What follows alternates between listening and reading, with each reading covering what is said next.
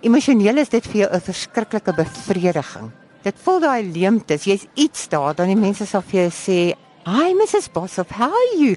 "No, I'm fine." En dan kom die volgende mense aan en hulle draai jou so op die hande. En as jy nou 'n jackpot wen, is daai hele casino, daai sê maar die priwyse mense om jou. Dan sê hulle, "Ooh, mooi."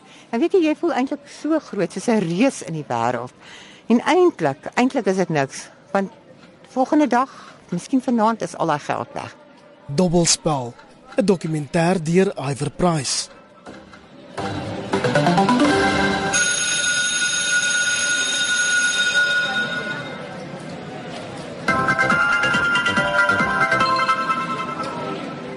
Haar dobbelverslawing het haar bykans 'n miljoen rand gekos, om nie te praat van haar selfrespek en huwelik nie. Vandag was Deleen Boshoff 3 jaar laas in 'n casino, maar elke dag bly 'n stryd. Ek het vir die masjiene gesing, "Baby, I love you to want me." En dan het ek geglo betaal hulle en dan het ek die geld so gevat. So ek dink as 'n baie emosionele ding, dit was nog in die coins. Gooi ek dit so in die lug en almal wat wou kom hê kon gevat het. Ek het nooit regtig geld vir myself gehou nie, ek het uitgedeel en uitgedeel. Maar ongelukkig was die losses meer as die wat ek gewen het. Ek kry baie baie baie lus om hier op te gaan. Uh om te gaan gamble, know, wie wat toe. Ek het nou net vir my kinders gesê dis elke dag 'n stryd om te sê ek kies vandag. Ek maak 'n keuse. Ek bly by die huis. Ek gaan nie gamble nie. En dit is net vir my verskriklik dat die mense die casinos op die televisie adverteer, dat die mense in die koerante die casinos adverteer. Hulle maak soveel geld. En dan het ook so gebeur dat 'n vriendin van my bel en sê, "Het jy gesien? Daai masjien van ons betaal 'n miljoen rand, dan sou sy af. Dan maak ons beurte, letterlik beurte. Een speel 'n uur, die ander een speel 'n uur. En hy gaan nou betaal, jy weet. Hy gaan betaal. Op die einde van die dag loop jy daar weg met minus hoeveel ook al in jou sak." Die dobbelmasjiene was vir haar baie lief. Sy onthou dat sy op een hand 200 000 rand gewen het, maar hoeveel sy oor die jare in huis toe geneem het, bly steeds 'n oop vraag. Iwer ek dink dit was om en by 200 tot 300 000. Ja, dit was baie geld. Dit was verskriklik baie geld op daai stadium. Maar hy het 'n kleiner bedrag gewen van 20000 dat ek met R900 gegaan het. Dan wen ek R20000 die aand. En um, ek het die bygeloof gehad as ek 'n sekere masjien speel, dan wen ek op hom. Gaan sit ek vir 'n uur, 2, 3 ure, ek wag vir daai masjien. Maar as ek hom gaan speel, gaan ek en dit het so gewerk. Dit was net maar alles werk maar net so. Wel ek het van my man en dis enigste een van wie ek gesteel het, het ek al 400 000 rand gesteel. Dan het ek lenings en lenings en lenings gemaak. As ek in die moeilikheid kom, dan hardloop ek direk access toe. Daai rekeninge is almal afbetaal behalwe vir my een Sanlam persoonlike rekening en dit is is seker nog so 25000 wat ek moet afbetaal. Ja, op die einde van die dag, die totaal is seker maklik 800000 wat ek verloor het. 'n klipgooi van Deleen se huis in Garsfontein in Pretoria, ontmoet ons vir Teresa Konradi, die besturende direkteur van Motla Konradi. Haar prokureursfirma gaan in April 6000 mense in die hof verteenwoordig. Mense wat gekant is teen die oprigting van 'n nuwe dubbelplek by Menlyn Mine.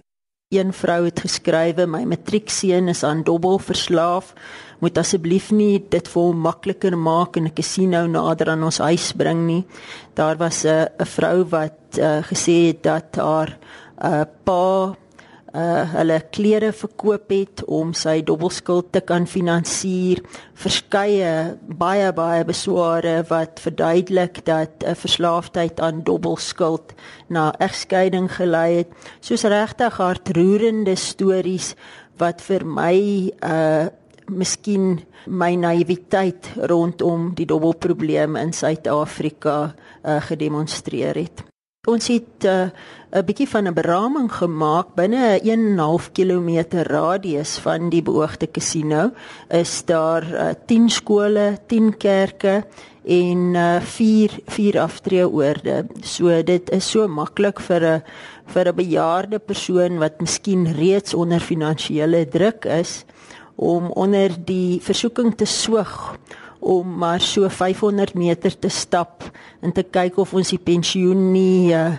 'n uh, paar keer kan uh, vermeerder nie. Deleen het vroeër haar werk as onderwyser bedank om heeltyds na haar kinders om te sien. Sy sê alkoholverslawing was deel van die pakket. Van sy het later goue lidmaatskap gekry wat gratis drank en sigarette by casinos reg oor die land ingesluit het. Ek het totaal en al afhanklik van alkohol geword. Ek het gerook soos 'n koorsteen, want jy kry dit verniet, jy eet verniet daar en ja, die drankies is op die huis en my kinders het gepleit en gesmeek. Dan kan ek so 'n week uithou, dan kan ek nie meer nie om te terug. Jy leer skelmpatrone aan. Jy vertel stories van ek gaan gou-gou die naweek saam my vriendin, ons gaan daar na hulle plaasie toe. Minta Marine Sun City toe. En jy's die hele naweek daar, hele week daar en jy's heeltyd in die dobbelsaal. Ek jy voel vuil en ek huil as ek daar weggaan sê ek Here, ek gaan nooit weer hier gaan nie, nooit, nooit, nooit weer. En dan op die einde van die dag dan sê ek weer daar. Dan ek vergeet toe ek die Here beloof as hy my net help om hierdie geld te kry. Dit is verskriklik die beloftes wat jy maak. Ja, dit is ook baie seer wat ek gehad het en En my kinders het regtig dat hulle nagte deur sit en wag want hulle pa het baie besigheid gedoen sy weg van die huis af en wag hulle en ek kom nie uit nie. Hulle wag hulle en ek kom nie uit nie. Hulle kry my nie in die hande nie. En ek het casinos geruil. Ek het nie altyd na dieselfde een so hulle kon my nie sommer trek net by een nie. Alhoewel ek hoofsaaklik by Emperors die laaste tyd gegamble het. Haar nou oorlede ma is dikwels saamgesleep op dobbelnagte. Jy ontsien niks in niemand nie. Uh my ma was 'n pensionaris. Sy was in die aftree in die ouer huis. En dan het ek al gaan haal een keer 'n maand, maar van haar af het ek van Kreersdorp af van ry ek reguit daarna Emperors toe. Nou gaan ek nou lekker ete vakker met die gratis goed wat ek op my goue kaart het. Die goue kaart se paspoort tot alles. Dan sê ek vir kom sit saam en wil sê vir die masjien dan soek ek iemand wat na kan kyk. Dan sê ek dan nou daai tyd R50 vir jou baie sien daai plek as ek wil die R50 hê. Ja, ja, ja. Dan gaan sit ek my ma en die in die motor. Dan kom maar in een en dan sê sy Jou ma wil nie meer stil sien. Sê ek, "Wil jy jou R50 hê of nie?" Ek het nie gehoor nie. Dit is dis 'n regtig erge verslawing. Erg erg erg. Jy sien nie om wat jy doen, wat jy verkoop nie. So het ek onder andere my my my ma se diamantring gaan versmous vir 'n skamele wat se geld wat eintlik na my dogter toe, Madorette moes gegaan het. Dit is verskriklik, verskriklik hartseer wat jy alles sal doen net om die volgende geldjie te kry dat jy daar sal stap na vreemdes toe en jy sal vir die vreemde mense vra, "Het jy vir my net 'n 100 rand?" Jy leen letterlik. Ek het gesien hoe mense die ringe van hulle vingers ook ek het niks anders gedoen. Ook my ma se ring gekoop. Van hulle vingers afhaal en dan vir 100, 200 rand verkoop. Dit is wat jy doen. En jy kom nie agter vandag en nag nie, want dit is mos nou hierdie lig. Dit was ja, en dit is dit is baie lekker en dan kort kort kom die waitresses Ehm um, wat drink jy nou? Ek het gewoonlik double vodka lime en soda gedrink en dan het ek geëet en dan het ek 'n sigarette verniet gekry en tyd het heeltemal by my verbygegaan. Haar dogter en haar vriendinne is soms uit die skool gehou om saam met haar te gaan dobbel en haar seun is ook deur sy ma aan dobbelary bekend gestel. Toe gaan hy nou Engeland toe. Toe sê ek vir hom nee, kom. Ek en jy. En sy het die pa saamgevat. Toe was hy in matriek. Hy gaan nou vir 6 weke Engeland toe voor hy universiteit begin. Ek sê gaan jou geld daar haal. En dit is vir die duiwel ook nou maar werk of wie ook al werk wat nou sorg dat ek daai aan. Met 300 rand het ek van 4000 rand gewen. Vir onmiddellik vir hom gegee sê daar's jou geld. Nou kan jy jou vliegtuigkaartjie koop. Nou daai kind se geloof Kyk, my ma het gaan dan wen sy. Toe het al die maats na haar aan saamgekom. En die maats het saam kom speel. So eintlik het ek my kind in die verderf ingelei. Maar hy is vandag skoon. Hy het onmiddellik toe ek hierdie erge verslawings begin vat, het hy hom gelos gemaak. Maar ek en hy sou deure op 'n dag. Want hy R50, dan gaan hy op die tafel speel en ek het miskien R500 en verloor ek my geld, maar eet ons in die privé, ons het albei goue kaarte. Nou my dogter, ek het haar na maats uit die skool uitgehou om saam met haar. Hy sê jy sleep almal in. Almal almal in. Partykeer moet hulle in die kar vir my sit en wag en dan sê ek, "Oké, okay, kom ons gaan nou ry." Dan stap ons tot by die kar en glip ek hulle. Dan sê ek, "Hierdie kan daai kan nou weet as jy begin soek in Emperors is groot." Dan soek hulle my hier, hulle soek my daar. Ek is nie trots op wat ek gedoen het nie. Maar as dit iemand anders kan help, ja.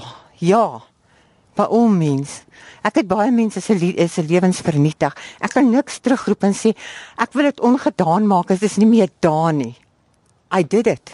In haar voortdurende honger na nog dubbelgeld het Daleen se pad met die van Chinese geldskieters gekruis. Sy beskryf dit as 'n maffia wat dubbelverslaafdes in casinos teiken en behoede jou siel as jy dit dag nie kan terugbetaal nie. Ek het die Chinese van hier af gebel en sê ek vir hulle, "Okay, I'm coming in. Do you have money for me? How many? 20,000, 30,000? Yes, so we've got it ready for you." As ek daar kom, gaan ek reguit na die Chinese toe, vat die geld en ek gaan. Jy praat dan so van die Chinese. Waar kry mense nou hierdie Chinese wat geld voorskiet? Hulle loop daar in die casino rond. Maar in die begin sal glad nie vir jou gee nie. Hou vir jou dop. En as jy nou iemand anders het wat jou aanbeveel na hulle toe wat ook nou gereeld by hulle leen en terugbetaal. Ek is deur aanbeveling van 'n vriendin van my kon ek by hulle leen. Ek onthou dit so goed. Dit was 2006. Daai Desember het ek die eerste keer by hulle geleen net voor Kersfees. Toe dink ek, "Sjoe, sjoe, hoe gaan ek nou? Toe was dit 2-3000 rand wat ek geleen het. Hoe gaan ek dit terugkry?" Sê ek my man, "Ek wil asseblief geld hê vir Kersfees. Ek het gery, ek het hulle geld gaan teruggee." Toe begin die bedrag 5000, 10000. Die grootste bedrag wat ek by hulle geleen het was 40000. Maar dit is baie baie geld om terug te gee. So as ek jou reg verstaan, dis sakemanne wat daar rondloop met kontant waar hulle nou geld voorskiet sodat jy kan verder dobbel. Dis nie sakemanne nie, dis Chinese vrouens. En as jy nou jou geld verloor dan kom hulle you want more? You want more? As hulle sien jy betaal gereeld terug. So hulle por jou ook aan. Maar ek wil weer vandag vir jou sê, dit is niemand se skuld nie. Die skuld is by my. Ek alleen alleen. Die keerpunt in Daleen se lewe was die dag toe haar enigste dogter met dwelms betrap is. As sy vandag daarop terugkyk, was dit 'n bedekte seën, want hulle het intussen saam die pad na heling gestap. Die groot ding wat gebeur het is toe my dogter gevang is met drugs. Toe sy die 1 Desember 2010 is sy gevang met drugs. En toe het ek daar besluit ek kan nie so aangaan nie. Ek het geglip nog daai jaar. Ek het Viva toe gehardloop. Ek het nog saam van my vriende gegaan. En toe het ek begin dink, maar hoe verwag ek sy met die drugs los, maar ek gaan aan met die gamblery. Het ek regtig by die Here begin huil, gesmeek, gepleit en ek het regtig ek ek het verlossing gekry, maar ek sal nie sê dit is weg van my af nie. Jy word verlos, maar jy het altyd daai ding in jou kop, gaan net gou-gou bietjie, gaan net gou-gou bietjie. Sy het self al by die dood omgedraai na 5 mislukte selfmoordpogings. Ek het huis toe gekom. Ek het skool gehou nog daai tyd en ek het 3 maande se hypnos my bymekaar gemaak. Ek het dit alles gedrink toe die ambulansie instap. Dis ek klaar dood. Hulle het my hart geskok. Ja, my vriendin sê ek kom nagklere haal want sy moet hospitaal toe gaan. Ek het 'n huishulp gehad wat vir my gewerk en sy het val oopgemaak. Dis op my afkom. Die ander keer het ek wakker geword in Wilgers Hospitaal in ICU.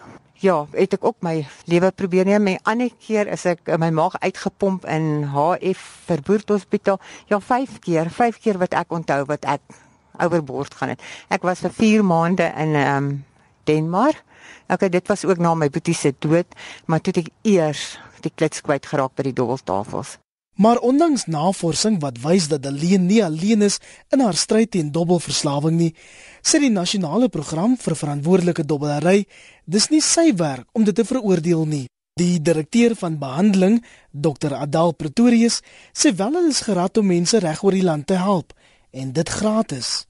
Ons het 'n 24 uur 365 dae van die jaar beradingslyn wat 'n tolvrye nommer is wat mense kan skakel vanaf 'n landlyn of hulle kan ons SMS op 'n SMS lyn en ek wil net graag vinnig daai nommer inkry asseblief. Dis 0800 006 008 en dis toeganklik vir enige persoon, het sy die persoon 'n dobbelaar is wat voel en van mening is dat hy of sy te veel dobbel of dalk in die moeilikheid is as gevolg van dobbel of vir 'n familielid of 'n geliefde of 'n vriend van 'n dobbelaar. So dit is die beginpunt van as 'n mens graag hulp wil soek. Ons telefoonberaders doen dan gewoonlik 'n assessering. Ons het baie spesifieke protokolle wat ons volg en ons wil graag weet wat is die probleem en hoe groot is die probleem en wat is die aard van die probleem van iemand wat inskakel. En dan is die volgende stap om wanneer so 'n persoon indien so 'n persoon dan nou belangstel om daardie persoon te verwys na ons terapeutnetwerk. Ons het so om en by 80 geregistreerde sielkundiges en maatskaplike werkers wat regdeur die land aan ons netwerk behoort. Mense vra altyd waar is hulle? Hulle is natuurlik gekonsentreer in die groter sentrums, stede, Kaapstad, Johannesburg, Pretoria, Durban, Bloemfontein en ook natuurlik die kleiner stede soos Port Elizabeth, ons Londen, George, maar ons het letterlik in elke dorp in hierdie land waar daar 'n casino is, het ons wel ten minste een persoon en in baie gevalle meer. En ons het dan 'n baie spesifieke gestruktureerde behandelingsprogram. En hierdie program is gebaseer op die nuutste internasionale beste praktyke vir die behandeling van probleemdobbelaars. En dit is 'n kognitief gedragsgebaseerde program uh, met baie spesifieke stappe, baie spesifieke vaardighede wat 'n mens die persoon aanleer. Maar is dit regtig so eenvoudig? Daleen onthou dat sy in 2007 by die Dobbelraad om hulp aangeklop het. Sy het haarself vrywilliglik by casinos laat verban, maar ten spyte van berading 'n manier gekry om steeds te dobbel. Toe gaan ek dobbelraad toe, ek laat my ban. ja. En uh, hulle sê vir jou as jy doodseker, maar ek is geban tot 2050 kan ek nooit weer in 'n casino ingaan nie. Maar jy kry ander planne. Jy jy koop vir jou pruik, jy kry vir jou donkerbril, jy kry vir jou ander brilletjie en ek onthou so goed die dag dit was in Monte Casino wat ek 25000 rand gewen het en ek spring so op en af en daar gaan die pruik. Sê dit maar jy moet uit hierso, jy moet uit hierso want jy moet mos 'n ID gee en dit en dit en dit. Toe word ek slim. As ek gaan, gaan ek saam met my vriende. En as ek iets wen, dan laat ek hulle met my omruil. Maar okay, daar is kameras, maar hulle het my nooit kom vra nie nooit kom vra met die kameras nie. So ek weet nie of hulle regtig op die kameras check of wat nie. Ek weet nie of hulle strenger geword het vandag nie. Maar ek kon lekker maklik kon aankom. Maar wat ek hulle kwaliek net eintlik neem, hulle het nog na my geban het. Het hulle vir my goed gestuur en gesê ons het jou lanklaas gesien. Hier is vir jou voucher vir dit, 'n voucher vir dat. Jy's verband van 'n casino, jy wen toe R25000, maar daar vlieg jy pryk en toe, wat van jou geld? Nee, hulle het dit gevat. Hulle het my gesê jy hoort nie hier nie. Jy's geban. Jy kry dit nie. En sê ek 'n vriendin wat 'n prokureur is, sy is 'n prokureur, maar ek weet nie waar sy nou is nie. Maar sy het net so gekom en al haar geld laat gaan. Net so, net so. Presies dieselfde gedoen. Presies dieselfde gedoen ook met die pryk op en alles. En ek weet nie wat sy die aand gewen het nie, dit ding met haar gebeur. Die psigiater Dr. Heidi Sinclair sê dobbelverslawing is soos 'n kroniese siekte. Sy is verbonde aan die Universiteit van Kaapstad se departement psigiatrie en geestesgesondheid. Ja, sover het studies bewys dat die program wat ons volg is 'n kognitiewe behandeling program. Met ander woorde, dit is sessies waar die persone kom vir omtrent 8 sessies en dis individuele sessies, eenmal 'n een week. En um, dit wys dat dit die mense se dobbel verslawing minder maak. Met ander woorde, hulle gaan minder na die plek waar hulle gewoonlik dobbel. Die bedrag wat hulle spandeer is ook baie minder en dit is daar's ook 'n langer periode tussen die tyd wat hulle klaar is met behandeling behandeling en van hulle dalk weer relapse want soos ons almal weet dat dobbelverslawing is 'n kroniese siekte met tye tussenin wanneer die persoon nie dobbel nie en ons probeer daai tye so lank as moontlik te maak. Volgens Dr. Adal is daar laas in 2008 laas werklik voorkomstudies gedoen om te kan bepaal hoeveel dobbelverslaafdes in die land is. Nuwe navorsing word tans gedoen. 43% van die Suid-Afrikaanse volwasse stedelike populasie dobbel glad nie en so om by 57% doen 'n vorm van dobbel. En van daai 57% is daar so in die omgewing van net onder die 5% van mense wat ons probleem dobbelaars sal beskou. Die mense wat aan wat dobbelverslaafd is, is en wat met ander woorde aan die kriteria voldoen vir daardie psigiatriese diagnose is so net onder die 1%. Maar so rolweg kan 'n mens sê net onder die 5% van mense ontwikkel probleme as gevolg van te veel dobbel. Baie Suid-Afrikaners is ook aan internetdobbelary verslaaf. En dokter Adal waarsku mense moenie 'n fout maak dat weeklikse lottokaartjies ook verslawend van aard kan wees nie. Dit is maar 'n vorm van dobbel soos wat slotmasjiens en ander forme van dobbel by casinos is. En jy is heeltemal reg. Ek dink net die erns van die lotery en die en die verslaaf en daardie verslawing en die effek wat dit op mense het word dikwels onderskat omdat mense in klein bedrae dobbel. Ehm uh, met ander woorde hulle dink nie daaraan dat dit miskien 'n probleem is nie, maar die maar die probleem is hulle dobbel dit elke week en op die ou einde uh, is dit 'n groot deel van hulle inkomste en geld wat hulle moet spandeer vir kos en vir skoolfooie en vir vir elektrisiteit en vir daardie daaglikse uitgawes wat mense dan nou op dobbel spandeer of die koop van loterykaartjies spandeer met die hoop natuurlik om daai groot pot te wen. En ons almal weet dit is dis 'n baie skraal kans. So daar is baie baie mense wat in die moeilikheid raak vanweë die feit dat hulle weekliks 'n groot deel van hulle inkomste op daardie loterykaartjies spandeer En ons kry dit ook by mense wat in ons hulplyn skakel dat hulle dikwels ehm um, sê dat hulle nie net casino dobbel nie, maar dat hulle ook wel loterykaartjies op 'n weeklikse basis koop. Hoewel navorsing wys dat dobbelaars by casinos meestal uit die wit, bruin en indiër middelklas kom, is Teresa nogtans bekommerd oor die impak op die armes. Ek is baie jare lank regtig al besig om te werk in die kwesbare dele van ons bevolking, in die familiereg en kinders. Ek het lank op 'n bestuursliggaam van 'n skool ge gedien en ek's geweldig bewus van die feit dat hoe groter mense se ekonomiese nood raak, hoe meer kwesbaar raak hulle. Dit was baie interessant, daar was 'n onlangse verslag van PricewaterhouseCoopers wat aangedui het dat, dat te midde van hierdie resessie waarin ons was en die finansiële swaar kry, dat dobbel geweldig geweldig toegeneem het wat vir my 'n goeie aanduiding is daarvan dat mense meer en meer kwesbaar word en dat die versoeking al hoe groter word.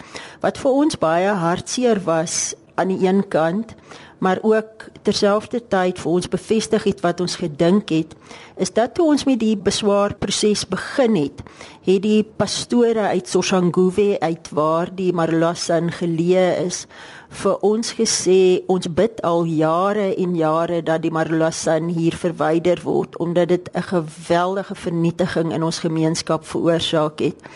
En dit is vir ons ironies dat dit nou verwyder gaan word maar dat hulle dit net in 'n ander gemeenskap wil wil inbring. Soos daar's daar's klinkklare bewys van die vernietiging wat wat die die sosiale vernietiging wat in 'n omgewing plaasvind as daar so 'n casino opgerig word. Ek dink ons is verby die plek waar ons kan argumenteer of dit sonde is of dit verkeerd is. Ons is nou by die plek waar ons doodgewoon vir mekaar moet sê dat dit geweldige verrykende gevolge het vir individue en vir gemeenskappe. In Johannesburg se sentrale sakegebied ontmoet ons van die taxi-drywers en passasiers wat van openbare vervoer gebruik maak. Ek was al by Carousel gewees en die atmosfeer was baie goed. Ek het gewen en ek het verloor en die mense sê ja, jy moenie jou wengeld weer teruggooi nie, maar ek het my aand gaan geniet en ek het my wengeld gaan teruggooi want ek glo dit kom na 'n goeie doel toe. Ek het al 3900 rand al gewen met 3 rand. Daar daar was kombis en taxis wat die mense soontoe gevaar het, maar op die oomblik nou weet ek nie van dit nie. I don't know about any transport that's taking the people, the elderly people to the casino. Ja, jy klap so by die ou mense wat baie lief is om te dawe. Veral dan Korean. En dan gaan hulle na Gold Reef City toe. Maar hulle ry die gewone public transport as hulle son toe gaan. Hulle pension, hulle moet gebruik hulle pension. Maar hulle seker gelukkig is dan maar iets terugkry daarom bly hulle teruggaan. Maar is daar spesifieke persoonlikheidstipes wat meer geneig is tot dobbelverslawing? Dr Heidi vertel. Daar's nie noodwendig spesifieke persoonlikheidstipes wat ehm um, baie meer geneig is om verslaaf te raak aan dobbel nie. Daar's meer tipe groepe mense soos mans en tieners en pensionaarsse wat baie hoër risiko's het om verslaaf te word. Mans eenvoudig omdat hulle baie meer nog dobbel as vrouens en tieners omdat hulle gedrag ehm um, baie meer impulsief is en nie so wel deurdag soos volwassenes nie. En dan ook natuurlik pensionaarsse omdat hulle meer tyd aan hande het. En dan is daar ook ehm um, sê nou maar iemand in die persoon se familie, vir alle ouer, het byvoorbeeld 'n dubbelprobleem gehad, dan is die, die persoon baie meer geneig om as gevolg van daai geleerde gedrag en ook hulle genetiese vatbaarheid dan 'n dubbelverslawing te ontwikkel. En dan sal ook mense wat geneig is om op die internet te dobbel, hulle raak gouer verslaaf aan dobbel as die wat gewone ander tipes van dobbel doen en dan ook dobbelaars wat ander verslawings het, soos veral verslawing aan ander stimulante, soos ehm um, kokain heroïne en kat en crystal meth, die tik, of byvoorbeeld soos mense wat baie meer disinhibeerd is as gevolg van alkoholmisbruik. En dan sal ook baie dobbelaars wat die risiko het om verslaaf te raak daaraan omdat hulle het 'n onderliggende psigiatriese siekte, soos byvoorbeeld bipolêr of depressie of angs. En dan sal baie baie baie klein persentasie van mense wat medikasie neem vir Parkinsons of vir rustelose bene. En 'n klein persentasie van daai mense wat medikasie neem, kry dan ook as neeweffek van die medikasie ehm um, dubbelverslawing. Wel die verslawing baie ooreenkomste met pornografie toon, is dit wetenskaplik nie heeltemal korrek om dit daarmee te vergelyk nie. Die een ding wat al twee die goed natuurlik in gemeen het is dat dit is 'n um, gedrag wat die persoon wat dit doen self geniet. So dis gewoonlik die persoon hou van dobbel of hou daarvan om pornografie te kyk, maar hulle hou niks van die nagevolge nie. So op die ou en dan raak hulle verslaaf aan die gedrag en dit is wanneer die probleem van die nagevolge nou eintlik die probleem raak. So op die oomblik is dobbelverslawing die enigste gedragsverslawing wat in die psigiatrie psigiatriese groot wetenskaplike literatuur opgeteken is wat aanvaar word as gedragsverslawing terwyl pornografie en internet en sulke soort verslawings is nog nie wetenskaplik aangeteken as 'n definitiewe psigiatriese uh, siekte of psigiatriese verslawing nie. Intussen berei Teresa haar voor vir openbare verhore in April oor die oprigting van die nuwe kasino in Pretoria. Sy het ook 'n hersieningsaansoek in die Hooggeregshof ingedien om die hersoneringsproses te probeer kelder. Ek is baie jare lank regtig al besig om te werk in die kwesbare dele van ons bevolking, in die familiereg en kinders. Ek het lank op 'n bestuursliggaam van 'n skool gedien en ek's geweldig bewus van die feit dat hoe groter mense se ekonomiese nood raak, hoe meer kwesbaar raak hulle. Dit was baie interessant, daar was 'n onlangse verslag van PricewaterhouseCoopers wat aangedui het dat dat te midde van hierdie resessie waarin ons was en die finansiële swaar kry, dat dobbel geweldig geweldig toegeneem het wat vir my 'n goeie aanduiding is daarvan dat mense meer en meer kwesbaar word en dat die versoeking al hoe groter word.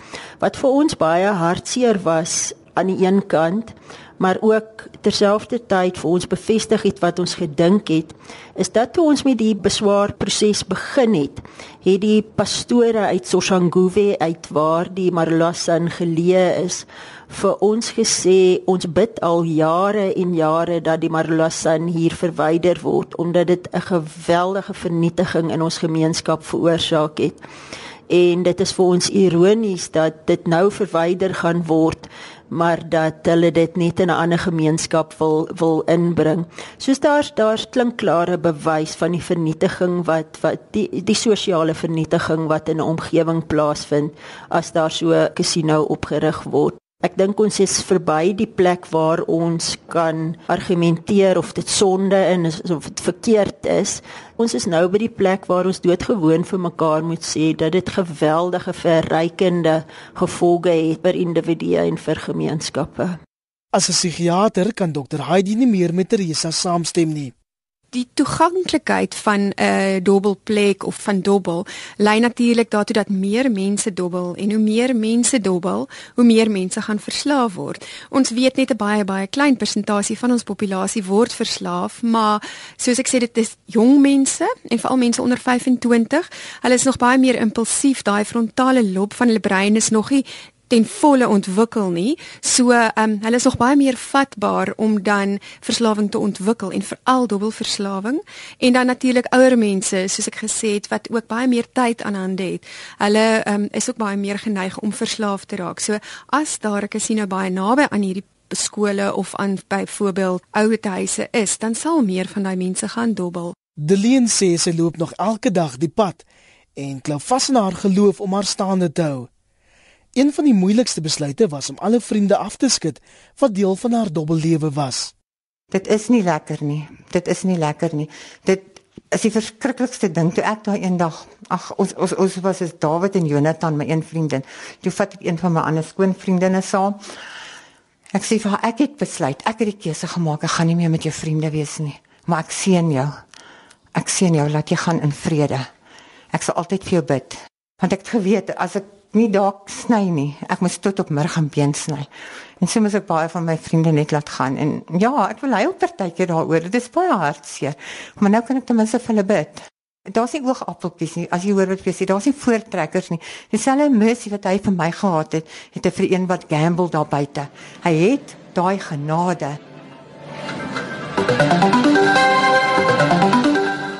Mense wat hulp met hulle dobbelverslawing benodig, kan die volgende tolvrye nommer skakel. Dis 0800 006 008. Ek herhaal 0800 006 008. Dobbelspel was 'n dokumentêr deur Iver Price.